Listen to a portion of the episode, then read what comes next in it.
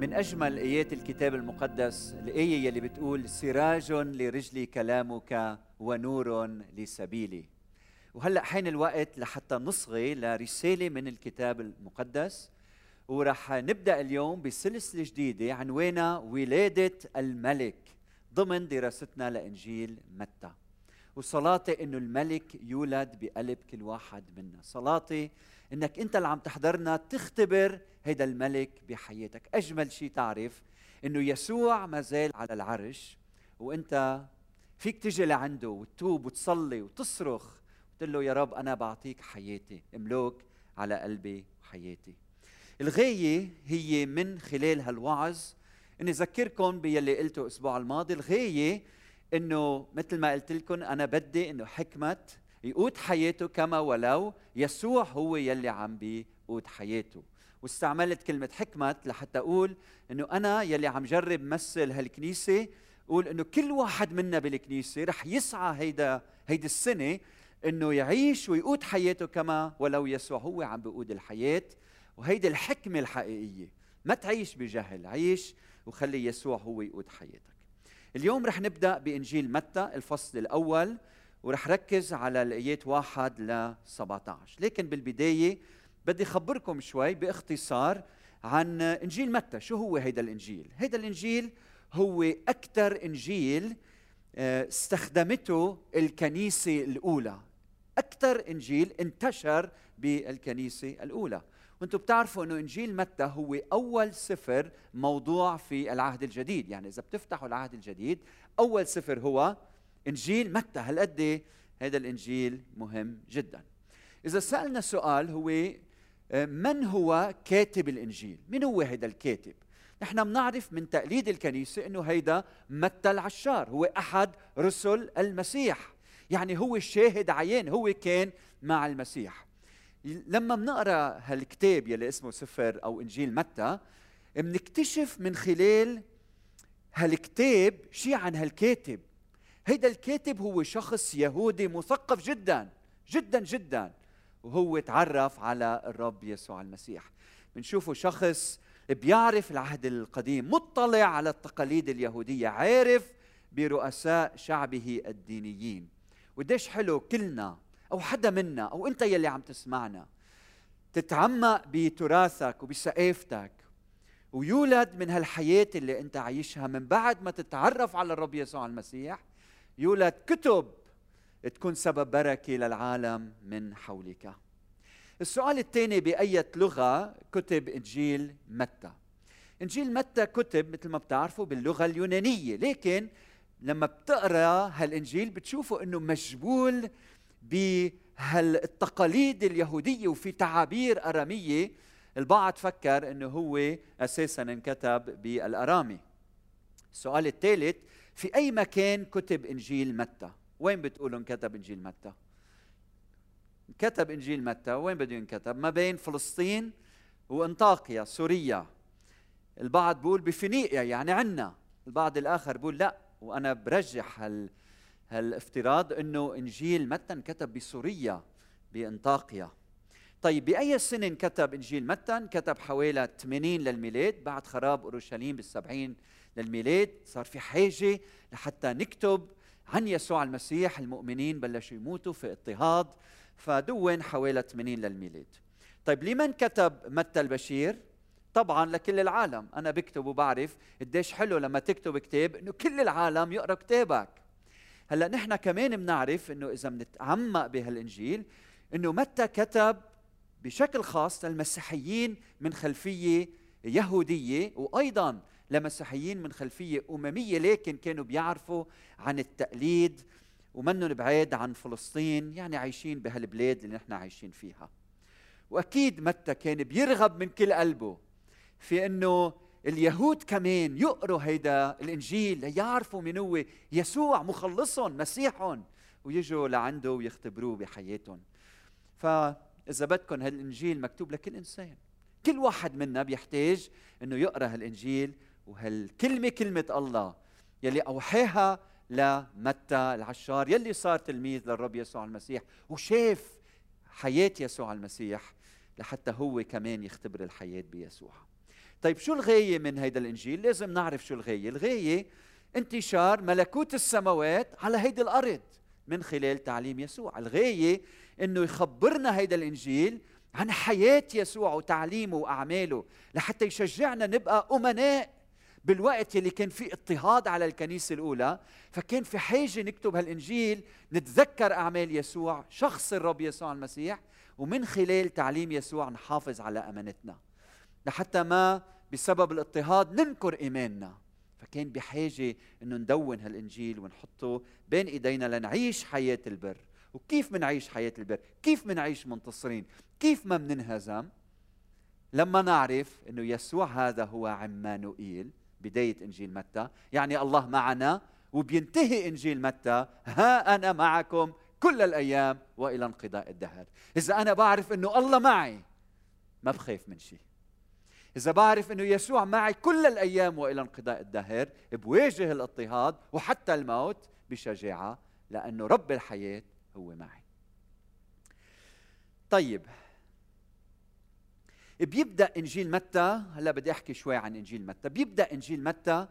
بنسب يسوع المسيح أي سلالة يسوع المسيح. لماذا؟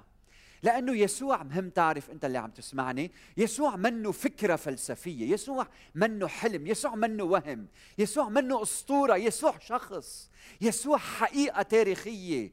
لكن حقيقة تاريخية غير منفصلة عن مشروع الله الخلاصي للبشر فالغاية ببداية السفر من ذكر أسماء ملوك وأبطال في سلسلة نسب يسوع المسيح لحتى يحضرنا متى؟ لمقابلة الملك والبطل النهائي يسوع المسيح. فيسوع من سلالة ملكية لكن هو أصلها هو فصلها هو غايتها. هو الابن الفريد هو الوحيد يلي قال عنه الآب السماوي هذا هو ابن الحبيب الذي به سررت له اسمعوا. فانتبه معي إذا حطينا حط الكون كله بميل ويسوع بميل تاني. حط كل الفلاسفة والأنبياء والصديقين والقديسين بميل ويسوع بميل تاني. حط أصحاب الاقتصاد والفهم وأصحاب السياسة مين ما بدك كل مخلوق حطه بميل ويسوع بميل آخر. العظماء بيموتوا بيصيروا عظام عظام. أما يسوع هو الأعظم ويبقى الأعظم أمس واليوم وإلى الأبد. آمين. فالمسيحية أخوتي كلها تلخص بشخص الرب يسوع المسيح. لاهوت كبير جون ستوت سئل إنه يعرف طلب منه عرف المسيحية. قال لهم كلمة واحدة المسيحية هي شخص هي شخص يسوع المسيح. أول آية بإنجيل متى هي؟ رح تطلع قدامكم هي كتاب ميلاد يسوع المسيح ابن داود ابن إبراهيم. هي أول عبارة بيفتتح فيها إنجيله. وهيدي العبارة كتاب ميلاد يسوع بتذكر كل قارئ بيعرف العهد القديم بتكوين خمسة واحد. هذا كتاب ميلاد آدم. يوم خلق الله الإنسان على شبه الله عمله عمله. شو بنتعلم لما منقارن هالنصوص مع بعضها؟ نتعلم إنه آدم هو رأس انتبهوا معي هو رأس الخليقة الأولى ويسوع هو رأس الخليقة الجديدة. نتعلم إنه آدم هو بداية النسل بتكوين. أما هنا بنشوف إنه يسوع ذكر اولا وكمان اخرا روحوا على العدد 16 بتشوفوا نفس الشيء يسوع بالأول يسوع بالآخر. يعني يسوع هو مبدئ الخليقة الجديدة وغايتها. يعني يسوع هو الذي يحقق القديم ويطلق الجديد. انتبهوا إنه بسفر التكوين عندنا كتاب مواليد آدم وبعدين من بعده في وأبنائه وأحفاده. فآدم منه يأتي الآخرون. أما بسلسلة نسب يسوع عندنا يسوع اولا ثم من يأتي أو من أتى قبله لنعود وننتهي بيسوع أيضا. يعني ببلش بيسوع لكن بيرجع لورا وبينتهي بيسوع. واللاهوتي كينر بيقول بتفسيره لهيدي الآية إن تشديد متى هنا واضح وعميق. انتبهوا بيقول فيسوع هذا هو النقطة المحورية في التاريخ لدرجة أن أسلافه يعتمدون عليه ومعنى وجودهم يتوقف عليه. نعم يسوع يعني يسوع بيعطي للتاريخ معنى. يعني يسوع هو الذي يعطي لحياتك معنى. أنت يلي عم تسمعني. هو يلي بيفهمك غاية وجودك. يعني التاريخ بأسره يسير نحو تحقيق مقاصده. يعني التاريخ منه فلتين. يعني كل واحد بيولد بهذا العالم له قصد وغاية وإنت واحد منهم. ولما بتختبر يسوع بتفهم القصد من وجودك وبتفهم أن الكل به وله قد خلق. هيدا يسوع. هيدا يسوع. الخليقة كلها هو أنشأها والخليقة غايتها إنه تعرف خلقها مبدعها. نعم يسوع يعطي للتاريخ معنى. طيب شو صفات يسوع بهيدي الآية؟ الآية الأولى كثير مهمة. أنت إذا بتكتب كتب بتعرف أول جملة كثير مهمة. طيب شو الصفات اللي أعطاهم للرب يسوع المسيح؟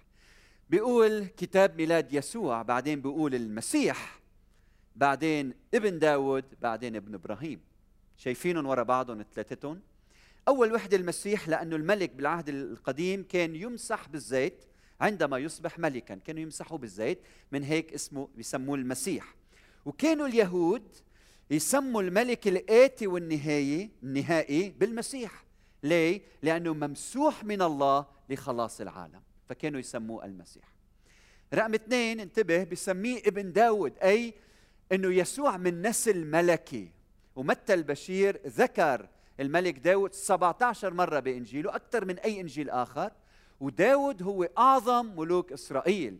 وكانت عبارة ابن داود لقب الملك المنتظر يلي بده يدمر أعداء إسرائيل بالسيف ويبسط ملكوت الله على الأرض ويجعل أورشليم مدينته.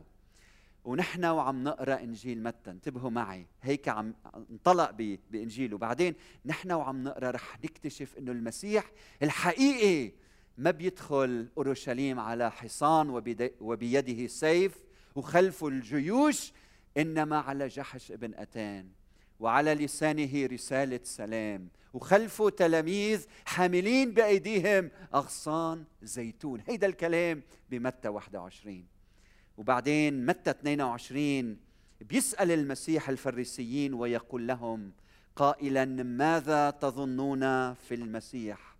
ابن من هو؟ فقالوا له ابن داود.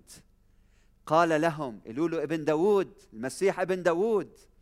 فقال لهم فكيف يدعوه داود بالروح ربا؟ قائلا قال الرب لربي اجلس عن يميني حتى أضع أعداءك موطئا لقدميك. فإن كان داود يدعوه ربا فكيف يكون ابنه؟ فلم يستطع أحد أن يجيبه بكلمة. ومن ذلك اليوم لم يجسر أحد أن يسأله بتة. فبدي أقول لك من الآخر اليوم خبرية لا تتغير إلى الأبد إنه يسوع هو ربه لداود نعم هو من نسله لكن هو ربه والرسول بولس يلي فهم هيدي الحقيقة وكان يهودي قال وعم يحكي مع اليهود قال ولهم الآباء ومنهم المسيح حسب الجسد الكائن على الكل إلها مباركا إلى الأبد. شوف شو حلوة هالآية. كيف يسوع بالجسد هو ابن داود لكن هو على الكل كائن إلها مباركا. بعدين رقم ثلاثة بيسميه ابن إبراهيم.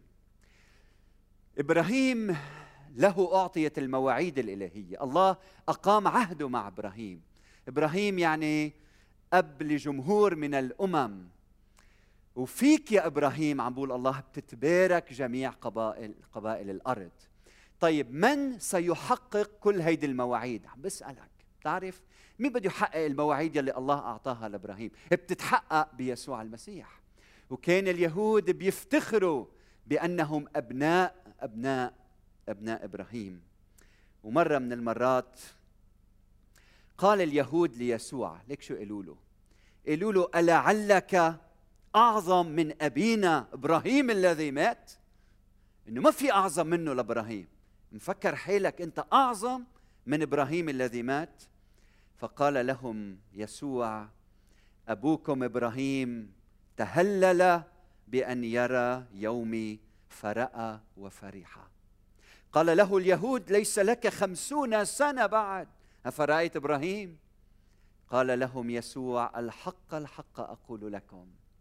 قبل أن يكون إبراهيم أنا كائن. بقول الكتاب فرفعوا حجارة ليرجموه. وإلى اليوم لما بتعلن إنه يسوع هو من هو بترجمك الناس. خليه معلم وخليه نبي وخليه إنسان عادي الكل بحبك وأهلا وسهلا فيك. لكن لما بتعلن الحقيقة من هو هذا الذي به كان كل شيء وبغيره لم يكن شيء مما كان بترجمك الناس بالكلام بالأفعال بالمواقف. فلاحظوا كيف يبدأ متى بايه واحد بيكشف لنا من خلالها أن يسوع هذا هو المسيح هو رأس الخليقة الجديدة هو أصلها وغايتها. وصلاة اليوم لك أنت يلي عم تسمعني.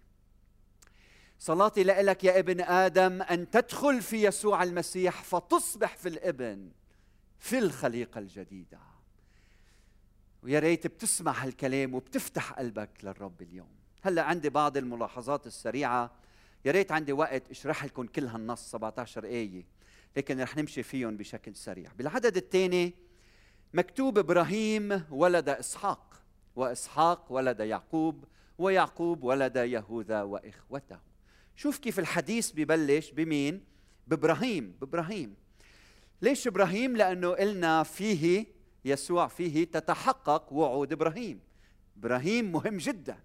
هلأ إذا بتروحوا على سلسلة نسب يسوع في إنجيل لوقا بتشوفوا إنه لوقا بياخذنا وبياخذ يسوع إلى آدم. لحتى يقلنا إنه يسوع هو حقا مخلص مش بس الشعب اليهودي. إنما كل العالم هو مخلص العالم كله. بعدين بقول ويعقوب ولد يهوذا وإخوته. ليش يهوذا وإخوته؟ يهوذا لأنه من نسله اجى المسيح اجى الملك. طيب ما في إضافة وإخوته؟ هيدي ما ما لها حاجة بهذا النص فينا نشيلها طيب ليش مذكورة؟ والبعض بيقول للتشديد إنه هالاخوه العرقية اليهودية كنا إخوة بالعرق مش هيك؟ أنا بنتسب لهيدا النسل اليهودي. هالاخوه العرقية استبدلت بيسوع المسيح؟ بأخوة روحية بيكشف لنا إياها الرب يسوع المسيح؟ ومعلنة بإنجيل متى؟ ومنشوفها بمتى 12 يسوع مد يده نحو التلاميذ. وشو قال؟ قال ها أمي وإخوتي. تلاميذه. لأن من يصنع مشيئة أبي الذي في السماوات مش مهم شو خلفيته هو أخي وأختي وأمي. فأنت اللي عم تسمعني خي يسوع إذا بتعمل مشيئة الآب. أنت مش مهم من أي نسل مهم قلبك مع مين وين قلبك. ولما بتعطي قلبك لرب الحياة نحن كلنا منصير جسد يسوع الواحد وإخوة وأخوات في هذا الجسد. بمتى واحد ثلاثة مكتوب من تابع ويهوذا ولد فارس وزارح من ثمار. ها؟ لاحظوا هلأ في البعض عم يسمعني اليوم مش عم بيشوفني. لكن إذا أنت عم بتشوفني أنا حطيت بين مزدوجين أو بين قوسين وزارح من ثمار وفارس ولد حصرون وبعدين روحوا معي على العدد الخامس وسلمون ولد بوعز من رحاب كمان حطتها بين قوسين وبوعز ولد عبيد من رعوث كمان وعبيد ولد يسع. فلاحظوا معي في عنا ثلاث عبارات منتبهين لهم من ثمار من رحاب ومن رعوث ها؟ مش موجودين بالأماكن الأخرى. عندنا ثلاث نساء غريبات عندنا ثلاث نساء خاطئات صحيح؟ عندنا ثمار سببت لعمها أن يدخل عليها. عندنا رحاب كانت زانية عندنا رعوث كانت مؤابيه طيب شو بنتعلم من من هيدا النص؟ بنتعلم اولا إنه مشروع الله الخلاصي بيشمل الجميع. اليهود والأمم. مشروع الله شامل. يعني أنت كمان اللي عم تسمعني إذا كنت اممي مين ما كنت إلك نصيب بمشروع الله وخطة الله.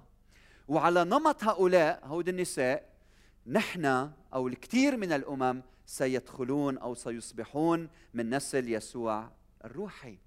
تذكر إنه يسوع بآخر إنجيل متى؟ قبل ما يصعد إلى السماء إيه لتلاميذه ماذا قال اذهبوا وتلمذوا مين؟ جميع اليهود؟ جميع الأمم. يعني كل العالم. هيدي الرسالة هي للكل. رقم اثنين إنه نسل إبراهيم الذي أتى منه المسيح كنسل آدم. انتبه معي هيدا النسل ساقط معطوب ملطخ بالخطية والشرور. كان في نساء خاطئات رجال عملوا الشر. وعلى الرغم من كل ذلك الله يخرج من الشر شيء خير في خير. ومنشوف كيف إنه مريم ستدعو اسمه يسوع ليه؟ لأنه يخلص شعبه من خطاياهم. نسل مليء بالخطية. رقم ثلاثة بنشوف كيف هود الملوك البعض منهم آه، صالحين والبعض الآخر كانوا أشرار. فانتبه الصلاح لا يجري في عروقنا ولا في عروق من جاء قبلنا. أما نعمة الله ورحمة الله بترافق كل البشرية. هيدا هو الدرس. إنه هيدا النسل الملطخ بالخطية. لحتى تعرف إنه القداسة ما بتمشي بعروقنا. القداسة بتختبرها لما بتملك القدوس على حياتك. بعدين العدد السادس من الفصل الأول. ويسى ولد داود. ولاحظوا كيف بضيف وبحط الملك. ما بيقول له ديك شيء هيك بس لداود بسميه الملك. وداود ولد سليمان وبتابع بقول من امرأة أورية أورية. فما اكتفى متى بالقول إنه يسى ولد داول بضيف وبقول داود الملك. ففي تشديد إنه يسوع هو من هالسلالة سلالة داود الملك. حتى نتذكر وعد الله لداود. يلي قال له هالكلمات قال له أنا أثبت كرسي مملكته إلى الأبد. عم بيقول له لداود أنا أكون له أبا وهو يكون لي ابنا. 2 صموئيل 7 13 و14 وهيدي النبوة ملكه إلى الأبد. ما مات داود وين ملكه إلى الأبد؟ ملكه إلى الأبد بمن يأتي بيسوع المسيح الملك الباقي إلى الأبد. وتحققت هالنبوة بشخص الرب يسوع المسيح. بعدين الآية بتكمل وبتقول وداود ولد سليمان من امرأة اوريا اوريا رجل شو؟ أممي. بس شبع كانت زوجته يهودية. وكلنا لما بنقرأ من امرأة اوريا شو بنتذكر؟ جريمة داود. صح؟ بنتذكر هيدا الملك يلي عمل هالجريمة. لكي نرجو ملك يأتي من فوق يعيش على خلاف كل ملوك الأرض الرب يسوع المسيح. لأنه يسوع وحده الملك وحده الإنسان الذي لم يخطئ لم يفعل خطيئة ولا وجد في فمه مكر.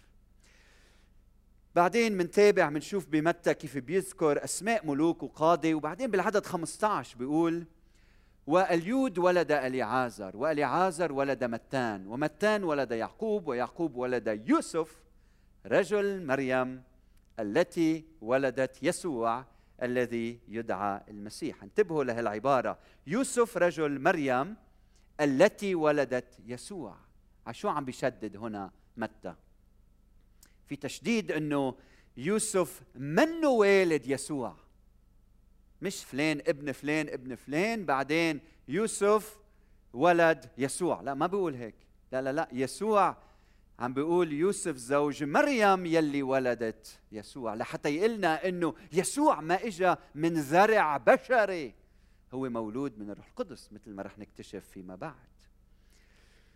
لكن هو ابن مريم ومريم زوجة يوسف يعني يسوع من هالسلالة الملكية من خلال مريم. فيسوع هذا هو الغاية المطلقة. هو هدف التاريخ بينتهي فيه. السلالة بتبدأ فيه والسلالة بتنتهي فيه. هو الملك المنتظر به. تتحقق نبوات العهد القديم. بعدين العدد اللي من بعده 17 بيقول فمجموع الأجيال من إبراهيم إلى داود أربعة عشر جيلا ومن داود إلى سبي بابل أربعة عشر جيلا ومن سبي بابل إلى المسيح أربعة عشر جيلا. في عنا ثلاث مجموعات انتبهوا معي من أربعة عشر جيلا. هل سألت شي مرة لماذا؟ أكيد ربما لتسهيل الحفظ وأيضا ليقول لنا بالأرقام متى أنه يسوع هو من نسل داود الملك. داود بالعبري ثلاث أحرف دا ودا كل حرف له قيمة باللغة العبرية يعني الدال قيمتها بالعبري أربعة الواو قيمتها بالعبري ستة والدال قيمتها بالعبري أربعة. تاني دال. مجموعهم قد بيطلع؟ 14 فعنا 14 وعنا ثلاث أحرف. فالبعض بيقول إنه قصد متى؟ إنه يحطهم بهالطريقة. مش بس للحفظ بس حتى يذكرنا إنه يسوع هيدا. لحتى يذكرنا بالأرقام إنه يسوع هذا هو الملك الداودي الحقيقي. فانتبهوا معي إنه المجموعة الأولى بتنتهي بداود الملك. والثانيه بتبدأ بداود بنعده مرتين وبتنتهي بخسارة الملك من خلال السبي والمجموعة الثالثة باسترداد الملك بمجيء يسوع المسيح الملك الحقيقي. آمين. وهلأ بدي أدعيكم أنتم اللي معي توقفوا وبدي أدعي كل شخص عم يسمعني بدي أدعيك توقف بمكانك. وبدي شجعك تعطي حياتك ليسوع الملك. انتبه معي كثير من الناس بيعيشوا بتعاسة لأنه ما عطيوا حياتهم ليسوع. وبيوجد كثير يوجد الكثير من المؤمنين بيعيشوا أيضا بتعاسة. بتعرف ليه؟ لأنه يسوع الملك بعد ما امتلك كيانهم بالكامل. فهلأ بدي أدعيك إنك تعطي مكان ليسوع بحياتك. مش عم بدعيك تتبع يسوع الصديق هلا. نعم هو صديقك لكن بدي اياك تتبع يسوع الملك. بهيبته بحضوره بحياتك تتبع يسوع بالسجود له. بأنك تعطيه تعطيه حياتك بالكامل. شو رأيك هلأ؟ تقول له يا رب يسوع أنت الملك الوحيد على حياتي. إذا كنت بالسيارة عم تسمعني إذا كنت عم تحضرنا من خلال محطة الست سفن قل له يا رب ارحمني أنا إنسان خاطئ أنا جاي لعندك. ما في ملك على حياتي إلا أنت. أنت الملك الأول والأخير. ولما بتعطي حياتك وبتسجد لهالملك بتكتشف إنه هيدا الملك ما إجا لكي يخدم بل لكي يخدم ويعطي حياته من أجلك. يا رب إلهنا بدي صلي لأخوتي اللي عم يسمعونا يا رب في كل مكان. بنقول لك يا رب بدنا إياك تملك على قلوبنا وملكك يتحول حياة مقدسة وتكون أنت عم بتقود حياتنا. نعم بدنا نقود حياتنا كما ولو أنت يا ملك عم بتقود حياتنا. بنعطيك ولائنا اليوم نعطيك سجود قلوبنا. نقول لك يا رب بدنا نكرس حياتنا لإلك بنقول لك أنت ملك وبدنا نعيش ملكك بحياتنا. آمين. يعني يا رب بدنا لما أكون عم بحكي مع زوجتي أو زوجتي عم تحكي معي أو عم عم بشتغل بوظيفتي مثل ما قلنا الأسبوع الماضي بدي يا رب تكون عم بتصرف كابن ملك بصفاتك أنت بحياتك أنت فيي ومن خلالي. نعم يا رب أنت اختزلت التاريخ بشخصك المبارك. أنت البداية والنهاية أنت الألف والياء أنت هو هو. أمس واليوم وإلى الأبد. التاريخ بدور حولك. الكون كله يسجد أمامك. كم بالحري بني آدم يا رب. جايين نركع ونسجد نقول لك نحن لا شيء. وأنت الملك الوحيد. كون أنت الساطع الوحيد بحياتنا. تعا يا رب على قلوبنا وعلى كل شيء بنملكه. وأنت السود بالكامل ولا ممتلكات ولا رغبات ولا شهوات ولا أشخاص ولا زعماء ما حدا يا رب بيسود على حياتنا إلا شخصك المبارك. نقول لك يا رب أنت الملك. نعم العهد القديم تنبأ عنك. المواعيد تحققت بشخصك. والحياة الأبدية فيك هي ملء السعادة. ومنصلي إنه كل شخص عم يسمعنا اليوم يتجاوب مع هالرسالة. بتوبة صادقة مقدسة باسم المسيح.